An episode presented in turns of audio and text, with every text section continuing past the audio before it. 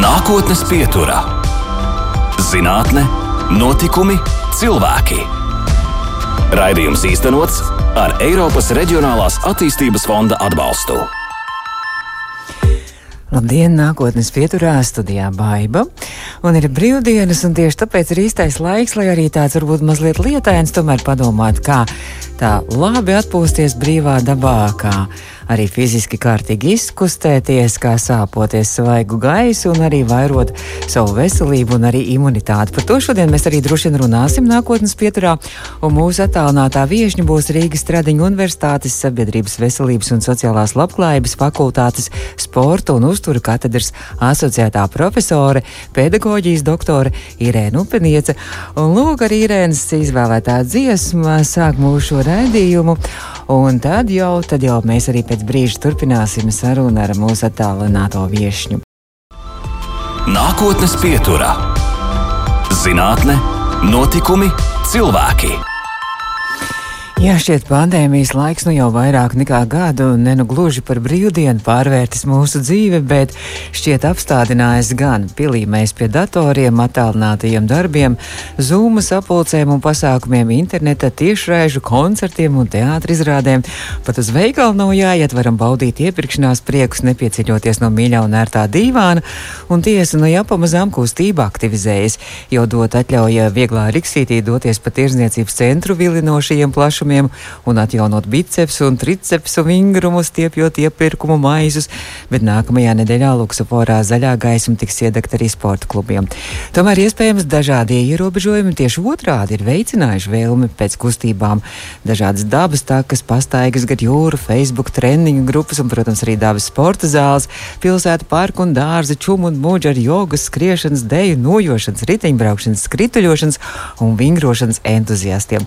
Par sportiskajām aktivitātēm, to nozīme veselības uzturēšanā un veicināšanā un dzīves kvalitātes uzlabošanā. Nākotnes pieturā būs arī mūsu saruna ar Rīgas Tradiņu Universitātes sabiedrības veselības un sociālās labklājības fakultātes sporta un uztura katedras asociēto profesori, pedagoģijas doktori Irēnu Upenieci un saku labdien mūsu attālinātajai viešņai. Labdien! Mm, labdien! Labdien, labdien, Baiba! Paldies par ielūgumu! Un, un, uz nākotnes pieturu. jā, mēs arī pieturam tajā dabas sporta zālē, un es šur tur internetā pamanīju arī šo vārdu savienojumu, kas man liekas ļoti trāpīgs nosaukums, un izrādās, ka jūs esat uh, savu laiku tieši to arī izdomājis šo dabas sporta zāli. Jā, die, diezgan tā. Eh, jau pasaka, vairākus gadus atpakaļ tāda ienāca prātā doma, ka tā varētu labi skanēt. Jā, tiešām man liekas, arī tagad dabas sporta zālē ir ļoti liela piekrišana. Bet nu, kāds ir jūsu vērtējums un arī novērojums, kā sabiedrības kustīgumu kopumā ir ietekmējis šis pandēmijas laiks? Nu, jā, man jau gribētos ar tādiem vārdiem sākt, eh, kurus jau vēl sen atpakaļ kāds nu, gudrinieks ir teicis, vārdā Aristotelis nekas tā negrauj cilvēka veselību kā maskustīgs dzīvesveids. Un um, cilvēka ķermenis ir lieliski piemērots kustībām, apveltīts ar labu kustību aparātu, un visas orgānu sistēmas ir cieši saistītas ar cilvēku fizisko aktivitāti. Tātad gribētos vēlreiz un vēlreiz pateikt, nu, ka nu, cilvēks ir radīts priekš tādu, lai kustētos un neskatītos tikai datorā un sēdēt e, mazkustībā. Un tātad hipodinamija noteikti ietekmē ļoti slikti jebkuros laikos un jeb, īpaši tagad. Tas tā notika Covid laikā, kad arī nebija arī ļauts cilvēkiem vingrot sporta klubos un vajadzēja meklēt iespējas, kā to darīt un motivēt sevi. Un iespējams arī ne visiem tas izdevās. Arī par to pētījumu informēja mūs, ka ne visiem. Un ierobežojumi pēc nodarbībām ārā desmit cilvēki, nu jau tagad var 20, mm -hmm. tad jau ir tagad labāk. Un patiešām parkos un dārzos un skvēros cilvēki vingro un ir aktīvi, bet tomēr ir liels, liela daļa mūsu sabiedrības, mūsu Latvijas, kas tomēr dzīvo tādā mazkustīgumā, kas ļoti slikti ietekmē veselību visas eh, cilvēku orgānus, visas cilvēku sistēmas. un ir sevišķi sirds asinsvadu sistēma, un, protams, arī imunitāte, kura tagad tik ļoti ir svarīga mums visiem.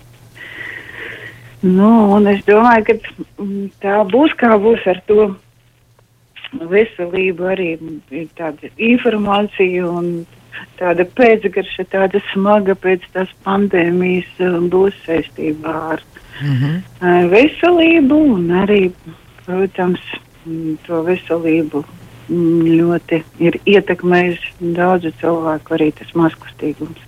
Jūs strādājat arī ar studentiem, un arī šis gads droši vien ir pagājis diezgan, diezgan lielā mērā arī pie datoriem, pie Zoom mācībām, pie Zoom lekcijām un vispārējais. Kā, kā studenti jūtās un kā pedagogi jūtās šajā laikā? Um, nu jā, tad ir studenti un pedagogi jūtās noteikti dažādi, bet nu, ļoti, ļoti, ļoti noteikti ir ietekmējis to, ir sevišķi to psihoemocionālo stāvokli daudzu cilvēku, gan skolotāju, gan docētāju augstskolas, gan arī studentu. Un tā ir tāda nomāktība, trauksme. Un, un tā ļoti daudz arī studenti par to informē. Mēs arī esam veikuši vairākus tādus pētījumus par studentu motivāciju nodarboties ar fiziskām aktivitātēm arī ārpus telpām, bet nu, situācija bija tāda, kāda ir, un tagad vēl tāda arī ir, kad viss nodarbības attālināt notiek, mm. pat arī tādas uh, fiziskās aktivitātes attālināt. Tad um, vecātājiem vajag visus tos procesus izgudrot, kā to nu, organizēt pēc iespējas efektīvāk, uh, lai varētu motivēt studentus arī vingrot un uh, nūjot un nodarboties ar dažādām fiziskām aktivitātēm mm -hmm. ārpus telpām vai mājās.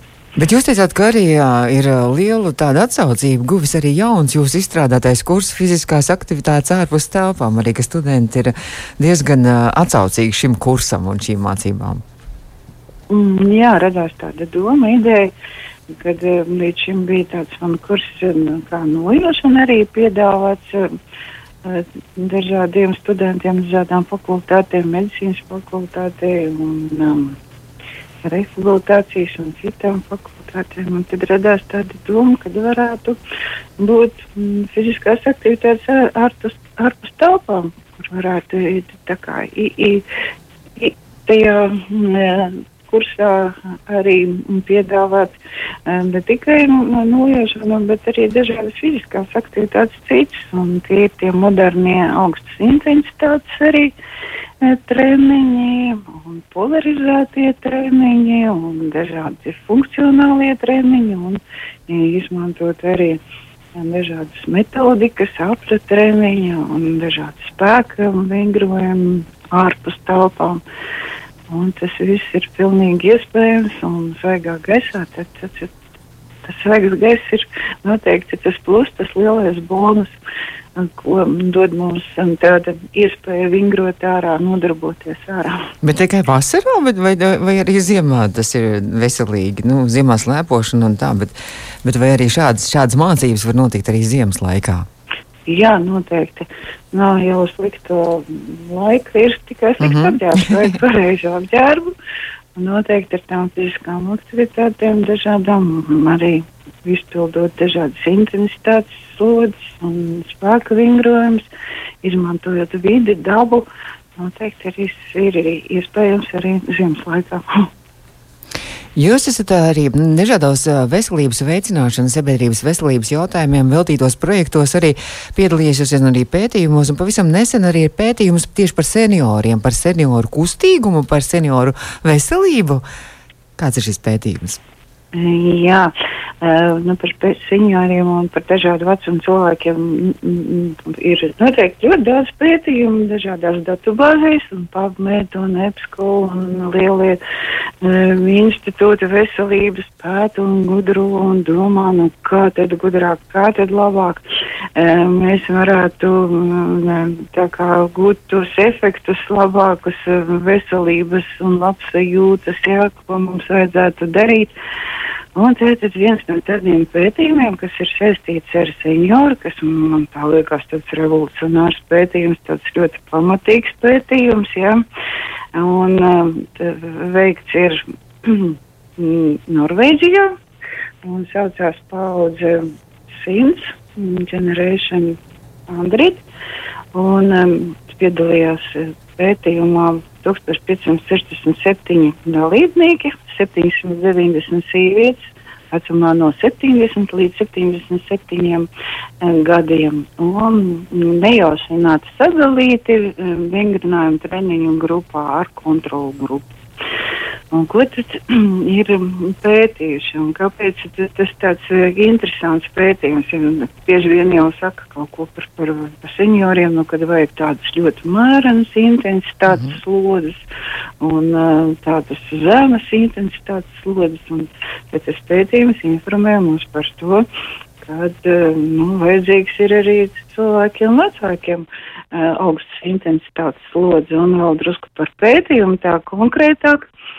Uh, un um, piedāvātas bija slodzes, augstas intensitātes slodzes un um, vidējas intensitātes slodze, un kā, te, kā tas uh, ietekmē saslimstību un mirstību.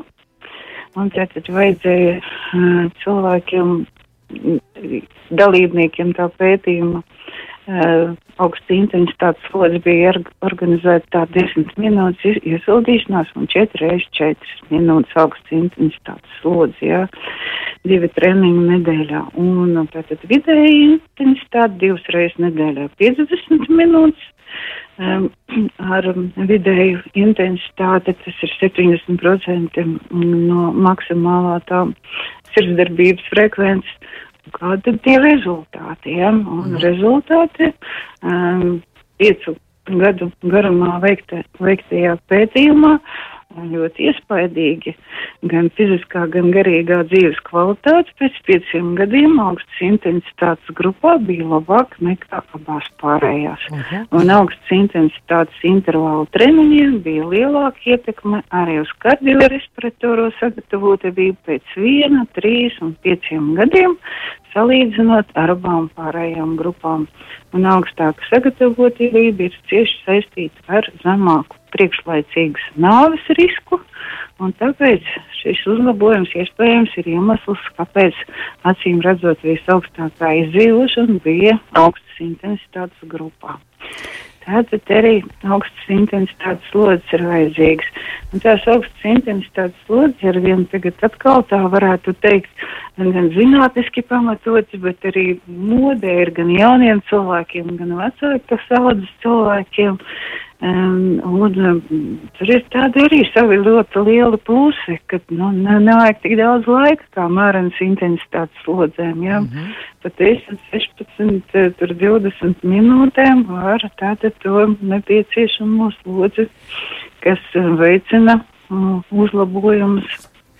Nu, ja tagad, ja tagad... Veselības arī ietekmēt. Ja? Ja tagad mūsu klausītāji arī klausās, un uh, ja mēs varētu viņiem droši vien, ka uzreiz nevar mesties uz to augsto intensitāti pakāpeniski, arī tā ir jāsagatavo sev droši vien ķermenis, bet uh, kas ir tā augstā intensitāte? Tā ir skriešana, tā ir ritiņbraukšana, kas tas varētu būt tā -hmm. mūsu apstākļos? Mm -hmm. Uh, nu, visvieglāk ir to darīt, ja mēs par tiem senioriem jau sākām runāt, to dozēt, to slodzi un intensitātei noteikti ir tā nozīme, nu, braucot ar veloergometru ar riteni. Uh mhm. -huh. Tas ir tāds labs variants. Jā, un noteikti tās ir cikliskās slodzes, gan skriešana, gan nojošana, bet, nu, tā vajag noteikti kontrolēt to intensitāti, lai patiešām būtu tā, tā augstāka intensitāte. Tas ir, um, kā to var kontrolēt arī pats, vai tas tikai treneru uzraudzībā, vai pats arī var kaut kā, teiksim, pulsu kontrolēt, kā to intensitāti? Jā. Sirdsdarbības frekvence ir tie saucamie gudrie pulksteņi, vai arī pulksteņi ar kardiojostiņu, vai telefonā ir arī tādas, um, tādas programmas, kas, mm -hmm. kas, jā, aplikācijas, kas um, palīdz mums kontrolēt. Nu, ļoti labi ir tie tagad gudrie pulksteņi. tie polāri pulksteņi un dažādu citu firmu pulksteņi ar to kardioīlistiņu. Tie gan visprecīzāk nosaka sirdsdarbības frekvenci. Mm, bet, bet, cik, nu, bet cik ir jābūt tai frekvencijām arī iespējams ir. Nu, bet, teiksim, no 70 gadi ņemsim, cik, cik, ir, cik augstai ir jābūt šai sirdsdarbības tam, tam tiem sitieniem minūtē vai? Nu, tas viss atkarīgs no tāda cilvēka, no viņa fiziskā stāvokļa. Un cilvēki visi ļoti, ļoti atšķirīgi, bet, nu, ja tomēr mēs mm, gribam tādu kaut kā tādu lietu vispārināt, tad noteikti tā ir tā kā karavīna formula, un tas ir 220 mīnus vecums. Un 80-85% no tā, kas paliek, no tā, tā ir tā augstas intensitātes slodze. Bet tajā formulā vecākiem ļaudīm piedāvā arī to vecumu vēl sareizināt ar 0,7. O, jo nu, tāds liels, liels cipars jāņem no tiem 220.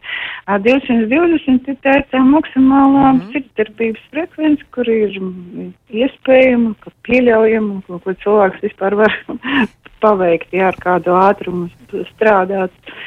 Tātad 220 sievietēm drusku vairāk kardiologi to ir pētījuši un nākuši mm. pie atziņām savās, uh, savos pētījumos sievietēm 225, 226 dažās pētījumos. Ja. Tātad, nu, bet nu, tās visas um, formulas ir, protams, tādas nevarētu teikt, ka absolūti visi jums dara, ja? Un, bet, nu, tādas aptuvenas, tādas optimālais variants nav nekāds tāds ideālais, universālais, bet, nu, tomēr pagaidām nekas labāks nav iz, izgudrots, un tā mēs intensitāti varētu noteikt.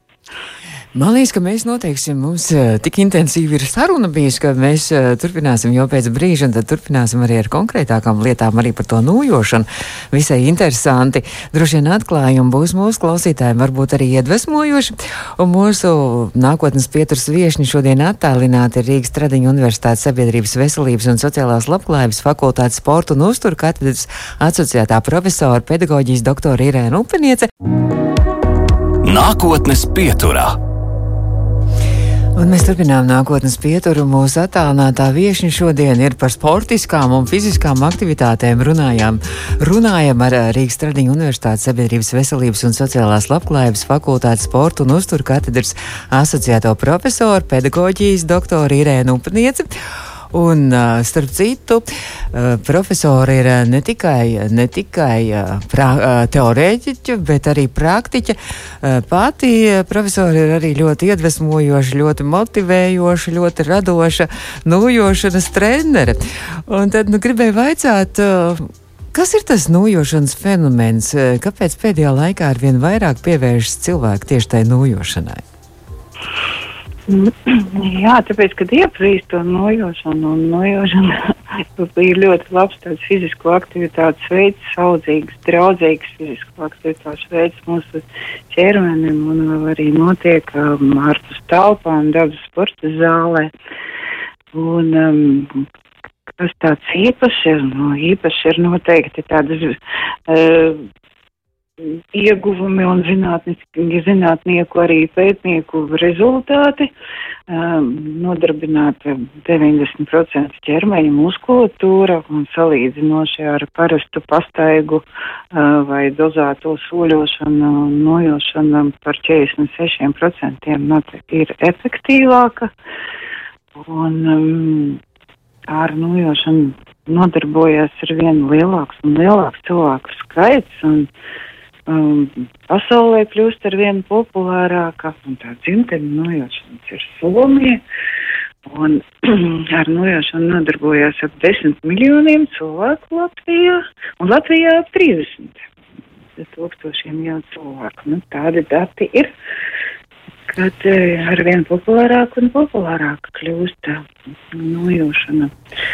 Nu, es arī noteikti gribu tām visām atziņām piekrist un esmu ļoti saistīta ar to nojošanu jau vairāk kā desmit gadus. Bet kādreiz, kad tikai iepazinās ar nojošanu, nu, nu, tad um, tā pirms iepazīšanās, pareizāk sakot, ļoti skeptiski bija noskaņot un domāju, priekš, ka man tās nojas vajadzīgas, un man tāpat ir labi. Bez arī, nu jā, pēc es sapratu, piedaloties jau pirmajā treniņā, ka tas ir unikāls, fantastisks fizisko aktivitāšu veids, kas mm, patiešām nodarbina arī muskulatūru un arī labu kardioslodzi, iespējami nojot, bet nu viens tāds, tāds īpašs moments vajag iemācīt visu tehniku, lai patiešām varētu nu, to tā kā uh, efektu gūt no nojaušanas. Tas nozīmē, ka droši vien ka jāmēģina. Ir daudz pētījumu un PubMedā un EPSCO un mēs arī ar katedras biedriem esam par nojaušanu veikuši vairākus pētījumus, saistot to arī ar motivāciju nodarboties ar nojošanu dažādu vecumu sievietēm, Un rezultāti bija ļoti pārsteidzoši. Un pats interesantākais, kas man ļoti uzrunāja, kad vecāki sauc sievietes uh, izvēlās nojošanu, tāpēc, ka tas ir ļoti labs socializācijas veids. -hmm. Tātad, un Noteikti, protams, arī svarīga ir veselība un veselības dažādi uzlabojumi, bet arī tā saskarsme cilvēkiem ir nepieciešama un nojošana. Tas grupā tas ir tāds ļoti labs socializācijas veicināšanas. Viņi viens ne tikai veselības uzlabošanas, jā, un ar regulēšanas. Bet mēs arī veicām tādu katedrā pētījumu, pētījumu par pētījumiem, to tā saucamo, kas tagad ir ļoti aktualizējušies, jo to pētījumu par fiziskām aktivitātēm un par to pašu nojošanu ir tik liels skaits tūkstošiem, desmit tūkstoši pētījumu dažādi publicēti eh, datu bāzēs. Un tad veicām tādu pētījumu par pētījumiem un salīdzinājām to efektivitāti tieši mm, tauku sadedzināšanā. Svara re regulēšanā. Un tātad nācām pie atziņas, atlasot vairākus tos pētījumus, kurus bija iespējams salīdzināt pēc dažādām skalām. Tātad, kad um, nojošana ir efektīvāks fizisko aktivitāšu veids uh, svara re regulēšanā nekā pilota, nekā um, ūdens aerobika, tā saucamā aerobika, tādi salīdzinājumi. Pilnīgi neticami. Jā. Bet es saprotu, ka šajā pētījumā es arī palasīju to jūsu to aptauju, un tad iznāk, ka laikam vidējā vecuma sievietes vairāk uh, tendēts uz to svara regulēšanu un arī samazināšanu, bet jaunākajām tas ir tā savukārt stre, stresa mazināšana un arī tā mm -hmm, emocionālā jā. līdzsvara atgūšanai arī laikam. Jā, jā pilnīgi pareizi, jā. Mm -hmm tādi tie rezultāti ir. Mm. Jūs arī esat pētījuši arī. Pēc likartas kavas noteikti, jā. Tad, jā. Mhm. Jūs esat pētījuši arī um, nojošanas ietekmi uz uh, cukura diabēta slimniekiem arī, jā? Vai taisnība? Jā. Mhm. Nu, kā mums visiem jau noteikti, varbūt ne visiem, bet zināms, ka uh, cukura ar cukuru diabēti cilvēkiem noteikti ir vajadzīgas fiziskās aktivitātes. Un mēs tieši pētījām arī tādu veicām, veicām pētījumu par, par, par, par vairākiem pētījumiem, kas saistīts ar nojaušanu un otrā, cuk, otrā tipa to cukura diabētu. Un arī mm, apkopojot to informāciju nācām pie atziņas, kad uh, uzlabojās noteikti dzīves kvalitāte. Nu, noteikti Tā kā atbrīvoties no, no tās slimības diezgan problemātiski un ar fizisko aktivitāšu palīdzību tomēr grūti, bet, nu, uzlabojumi noteikti ir pašsajūtā un tādā fiziskā stāvoklī un emocionālā stāvoklī. Jo to psihoemocionālo stāvokli jau noteikti ietekmē fiziskās aktivitātes arī. Mm -hmm. Ko mēs varētu mūsu un... klausītājiem ieteikt? Um, kas nu tagad varbūt ir sadūšojušies un iedvesmojušies, un arī vasaras sākas, un, un brīnišķīgs laiks un nojošanas sezonai ļoti atbilstoši. Ko lai viņi dara? Pirkt nojas vai meklēt treneri, vai kā vislabāk sākt to nojošanu? Mm -hmm. Jā, Nu, noteikti vislabāk sākt ar treneri, un tagad arī Rīgā un dažādās citās Latvijas pilsētās un reģionās tiek piedāvāts nodarbības arī projekta ietvaros bez maksas nodarbības. Tātad vajag pameklēt, kur tuvāk. Internetā sports visiem LV par Rīgu. Tur ir piedāvāts grafiks. Un tātad sākt noteikti ar treneru. Un arī nevajadzētu pirkt nojas pirms, pirms uh, jūs neiemācījāties uh, tehniku un, jo to saprast, kādas tieši nojas ir vajadzīgas, noteikti labāk ir sadarbojoties ar treneri, ar instruktoru, lai varētu noteikt to optimālo noju un garumu, lai nebūtu ne pa garu, ne pa īsu. Un arī ļoti svarīgi ir tā, tā tehnika. Man arī bieži vien studenti un cilvēki saka, nu, ka, nu, domājam, ka tas ir daudz vieglāk vienkārši paņemt suļu. Izrādās, ka nē, ka tomēr, lai gūtu tos efektus, lai neiedzīvoties kaut kādās liek, liekās tur problēmās, neiroloģiskās, tomēr jāiemācās tehniku, lai būtu tās biomehāniski pareizas, cikliskas kustības. Jā, un lai varētu iesaistīt visus tos, muskuļu grupas arī. Visas 600, jā. muskuļu grupas. Jā. muskuļu grupas ne tikai kāju mm -hmm. par dozēto soļošanu runājam, bet arī uh, visu mūsu ķermeņa lielās muskuļu grupas. No, tad es atkārtošu to informāciju, kad zinātnieki nākuši pie atziņas, ka 90% no mūsu muskuļiem tad iekļauti darbībā. Bet, protams, ja mēs to tehniku iemācāmies, mm. tie ir 600 apmēram. Bet, ja arī ne 90 un ne 600, bet tad vismaz, ja kaut vai 70 vai 80 procenti, nu, tas jau arī ir ļoti labi. Vēl precizējuši jautājums, vai tā, tāpat nojošana ir tas, tas pats tas Nordic walking, tas tā ziemeļu staigāšana, jā, vai tas ir kaut kas cits? Tas ir tas starptautiskais apzīmējums, Nordic uh -huh. Walking, jā. Un ir tā saucamā INVA, International Nordic Walking Association, kas visus to procesus regulē saistītos ar um, nojošanu, nojošanas tehniku un dažādiem notikumiem, un notiek arī konvencijas un treneru instruktoru profesionālā pilnveida gan Latvijā, gan ārpus Latvijas. Un, Tātad tagad Invai decembrī, 15. decembrī bija 20 gadi, 20 gadu jubileja tās asociācijas pastāvēšanas un viena no arī konvencijām tad dažus gadus atpakaļ notika Latvijā.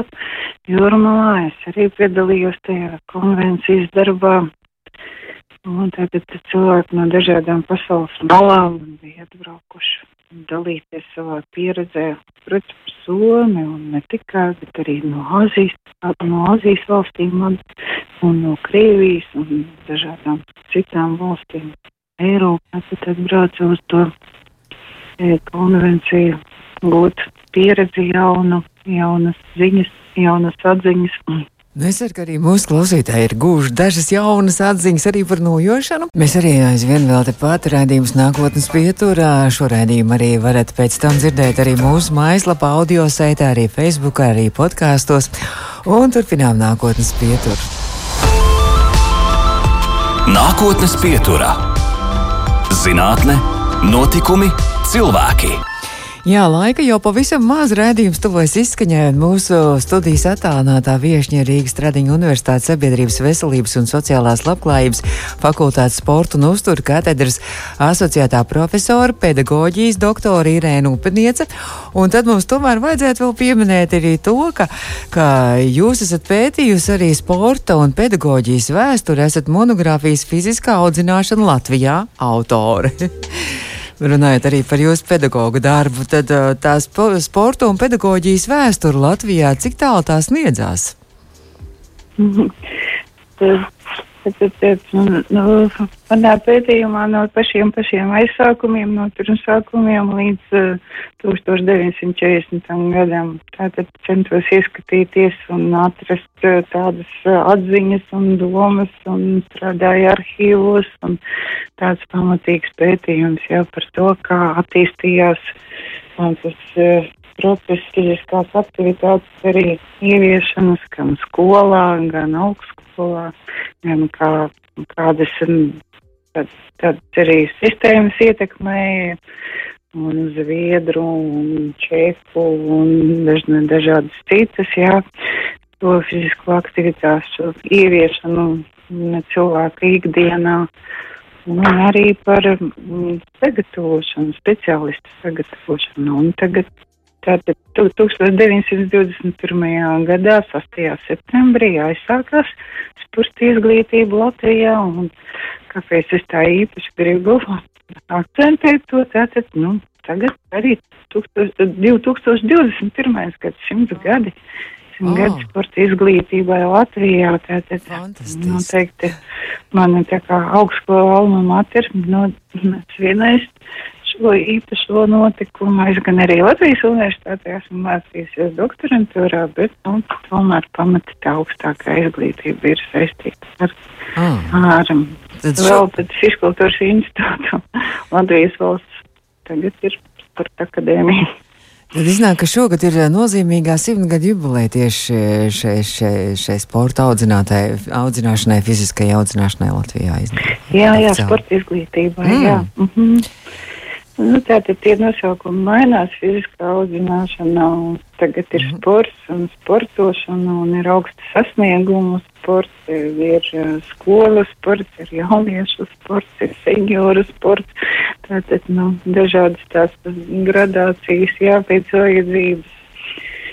Bet katreiz bija tādi termini, un arī nosaukumi bija tam stundām, sporta stundām skolās, tad dažādi sākumā bija tāda no, tur turnēšana un gimnastika un vingrošana, un pat tiešām bija ļoti daudz tās vingrošanas, jā, pārsvarā vingrošana, un pēc tam ar laiku tikai uh, ieviesa mm, arī dažādas tādas sporta veidus, citas ne tikai vingrošana, ne tikai vingrošana ar rīkiem, bet arī sporta spēles, jā, un basketbols un volejbols un dažādi citi sporta veidi arī. Nu, tas notika arī pateicoties tādām organizācijām, kas darbojās pasaulē, un viena no tādām organizācijām kas ļoti palīdzēja attīstīt um, sportu. Latvijā bija tā saucamā INKA, International, um, international tā, tā, tā, um, jauniešu un tā organizācija pasaulē ļoti pazīstama, kur arī nosvinēja kādu jau laiciņu atpakaļ uh, simts gadu jubileju. Vēl... Jā, un mēm un tā pareizi. Bet Latvijā viņi saucās Inka.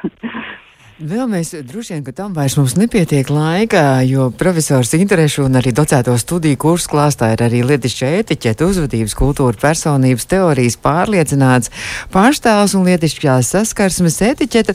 Tā mums droši vien laika šodien neatliks, diemžēl, bet tā kā redzījums tuvojas izskaņai un tomēr ir brīvdiena un rīt vēl viena brīvdiena priekšā, tad varbūt kāds varētu būt jūsu ieteikums, nu kā, ko darīt mūsu klausītājiem brīvajā laikā, kā tā skaisti, pilnvērtīgi un arī varbūt arī vērtīgi atpūsties. Nu, noteikti doties pie dabas, noteikti būt fiziski aktīviem. Un šodien un vakar man arī bija iespēja papeldēties jūrā. Oh.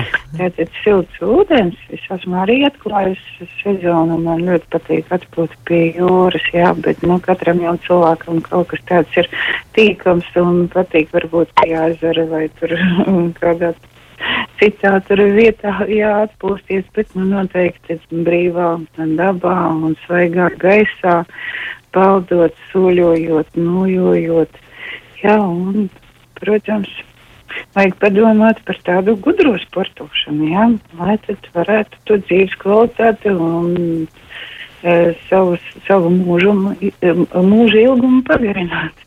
Tad, nu, ir ļoti daudz pasaulē izgudrotas dažādas zāles, bet neviena nevien zāles nevar aizvietot fizisko aktivitāti. Fiziskā aktivitāte katram no mums ir tik ļoti nepieciešama, un ar, ar fizisko aktivitāti nevar ne ar ko aiz, aizvietot. Tā pilnīgi ietekmē mūsu pašsajūtu, un mūsu emocijas un mūsu jā, fizisko stāvokli. Jā, un tieši tie serotonīni un enkefalīni, kas ir noteikti atcenīs, un arī veikti ir interesanti pētījumi, un arī Latvijā un tieši par nojošanu arī ir, kad nojošanas rezultātā ļoti mm, paaugstinās endorfīnu un enkefalīnu un tie laimes serotonīnu, to dabīgo opiātu koncentrācijā asinīs. Labi, es saku paldies jums, paldies par šo sārunu, un es ceru, ka iedvesmojām arī mūsu klausītājus ar uh, zinātniskiem pamatiem, pamatojot arī fiziskās uh, aktivitātes un kustību arī nozīmi. Saku paldies profesorai Stradiņu universitātes profesorai Irēnai Upaniecei. Paldies par ielūgumu, paldies par sarunu, Baiba. Paldies, paldies. Arī tiekamies treniņā. Tiekamies treniņā. Izskan nākotnes pieturā. Raidījums īstenots ar Eiropas Reģionālās attīstības fonda atbalstu.